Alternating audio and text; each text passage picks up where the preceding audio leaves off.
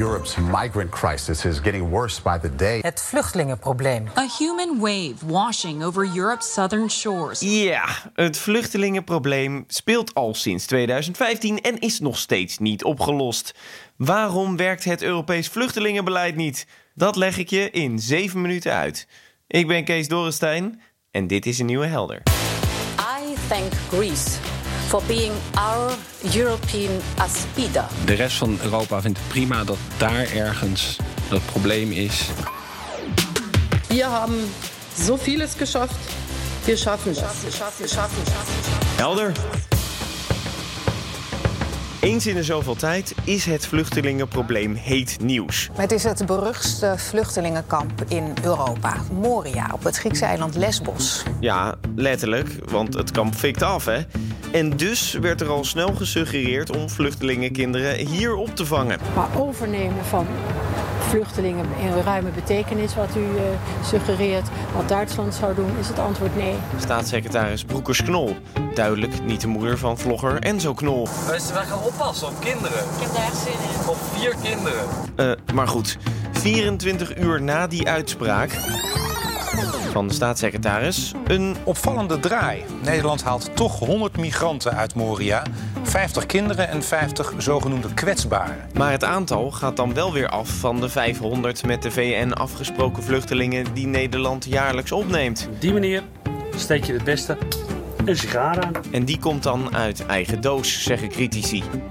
Maar of je nou voor of tegenstander bent van het opvangen van vluchtelingen, het is voor iedereen een groot Europees politiek probleem. Waarom werkt dat EU-beleid niet? Er is geen Europees vluchtelingenbeleid. Dat is het probleem en daarom werkt het niet. Je hoort hier Jesse Pinster, de Europa-kenner van BNR. Er is dus geen gezamenlijk plan. Er zijn alleen een paar afspraken gemaakt tijdens de migratiecrisis. Wir haben so vieles geschafft. Wir schaffen das. Ja, dat werd gezegd door Merkel toen de tijd. Er werden strengere grenscontroles afgesproken en de EU-landen zouden gezamenlijk 120.000 vluchtelingen uit Griekenland en Italië opvangen. Maar daar is eigenlijk niet zoveel van terechtgekomen. En het liep ook maar een paar jaar, die herverdeling. Dat is eigenlijk gewoon ja, afgelopen. Sommige landen hebben zich uh, aan de afspraken gehouden. Een land als Luxemburg heeft inderdaad het aantal vluchtelingen opgenomen wat ze beloofd hadden. Een heel aantal landen niet. En sommige landen hebben helemaal geen enkele vluchteling opgenomen. Polen, Tsjechië en Hongarije niks. Nederland minder dan de helft. Uiteindelijk werden er zo'n 33.000 opgevangen van dat aantal. Dus dat is een poging geweest en dat was het. En dan hadden we natuurlijk ook de bekende Turkije-deal. Kern van het plan is dat Turkije bereid is om alle migranten, dus zowel de Syriërs als de niet-Syriërs, om die terug te nemen. Uh, de Europese Unie zou dan vervolgens voor iedere teruggestuurde Syriër een andere Syriër moeten opnemen. Nou, dat is ook echt een, eigenlijk een, een persbericht. Het is allemaal niet zo vastgelegd, dus ik zou het geen beleid willen noemen.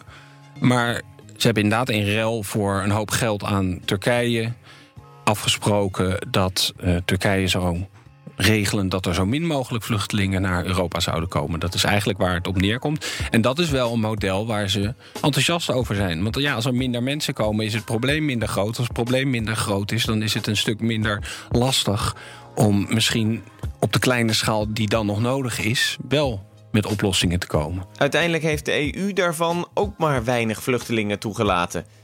Maar het grootste probleem zit hem in dat ene stukje beleid dat Europa wel heeft. Uit 1990, ver voor de vluchtelingencrisis. The so-called Dublin regulation is a key part of that system. It was designed to prevent asylum seekers from submitting applications to multiple EU member states. It stipulates that asylum claims should be processed by the country that played the biggest part in the applicant's entry to the EU. Een asielzoeker mag volgens dat Dublin-verdrag alleen asiel aanvragen in het land waar hij aankomt. En daardoor zitten er nu massaal mensen vast op Griekse eilanden. Omdat die asielprocedures ook nauwelijks functioneren in uh, Griekenland. Er zijn al jaren pogingen om met, uh, met geld van buitenaf, kennis van buitenaf, daar een, een, een, een snel effectief uh, asielsysteem neer te zetten. Maar dat komt eigenlijk ook niet echt van de grond. En zo ontstaan er schrijnende situaties van overvolle kampen en het schenden van VN-verdragen over dat je ze niet zomaar mag terugsturen. Vluchtelingen proberen de Griekse eilanden te bereiken. Die worden nu soms ook teruggesleept door de Griekse uh, kustwacht. Zodat ze weer in Turks water komen en dan zijn ze weer terug in Turkije. De Griekse overheid ontkent dit, maar er zijn zoveel berichten dat het bijna niet te ontkennen is. Het Dublin-verdrag werkt niet en Griekenland zit zo opgeschreven met het politieke probleem van de rest van Europa. Merkte ook commissievoorzitter Ursula von der Leyen. I thank Greece for being our European Aspida in these times. Griekenland is onze Aspida, ons vluchtelingenschild vertaald. Dus om het op z'n Duits te zeggen, wir haben es nicht geschafft. Niet te verwarren met. Ah, laat maar. Von der Leyen die werkt nu wel aan een oplossing. Ze zijn nu heel hard aan het kijken hoe kunnen we voor elkaar krijgen dat 27 landen toch instemmen met een, een gemeenschappelijk Europees migratie- en asielbeleid. Waarschijnlijk op 30 september worden die plannen gepresenteerd. Dat is al meerdere keren uitgesteld. Maar daar zal naar mijn verwachting een belangrijk onderdeel in zijn... we moeten zorgen dat er zo min mogelijk binnenkomen... zodat we wel voor degenen die er binnenkomen... kunnen zorgen dat als ze geen kans maken... ze zo snel mogelijk weer weg zijn. En de mensen die wel mogen blijven... dat daar uh, in zekere mate dat verdeeld wordt over Europa. Dan loop je er weer tegenaan dat landen als Polen, Tsjechië, uh, Hongarije... om er een paar te noemen, echt geen zin hebben om extra vluchtelingen op te nemen... die kunnen dat dan waarschijnlijk gaan afkopen. Dus die kunnen dan andere landen die meer willen kunnen doen, kunnen ze gaan betalen. Maar ja, tot nu toe hanteert elk land zijn eigen asielbeleid.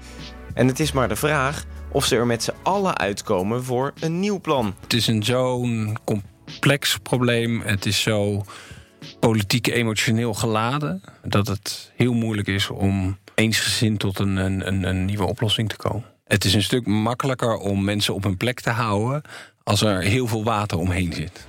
En de rest van Europa vindt het prima dat daar ergens dat probleem is en ze zich er niet al te druk over hoeven te maken. Grote kans dus dat ik over vijf jaar gewoon weer een aflevering kan maken over waarom het Europese asielbeleid niet werkt. Helder? Vond je deze podcast interessant? Abonneer je er dan vooral op in je favoriete podcastplatform. En goed nieuws, je kan Helder ook nomineren voor een Podcast Award. Daarvoor moet je even naar podcastawards.nl gaan en dan opgeven in de categorie nieuws. We hebben zo vieles geschafft. We schaffen dat. En als je dat doet, beloof ik dat ik geen Enzo Knol fragmenten meer in de podcast stop. Doe je het niet? Ja, jammer. Volgende aflevering gewoon weer een, hè? Zo makkelijk is het. Volgende week weer een nieuw onderwerp. Lekker helder. Hoi hoi.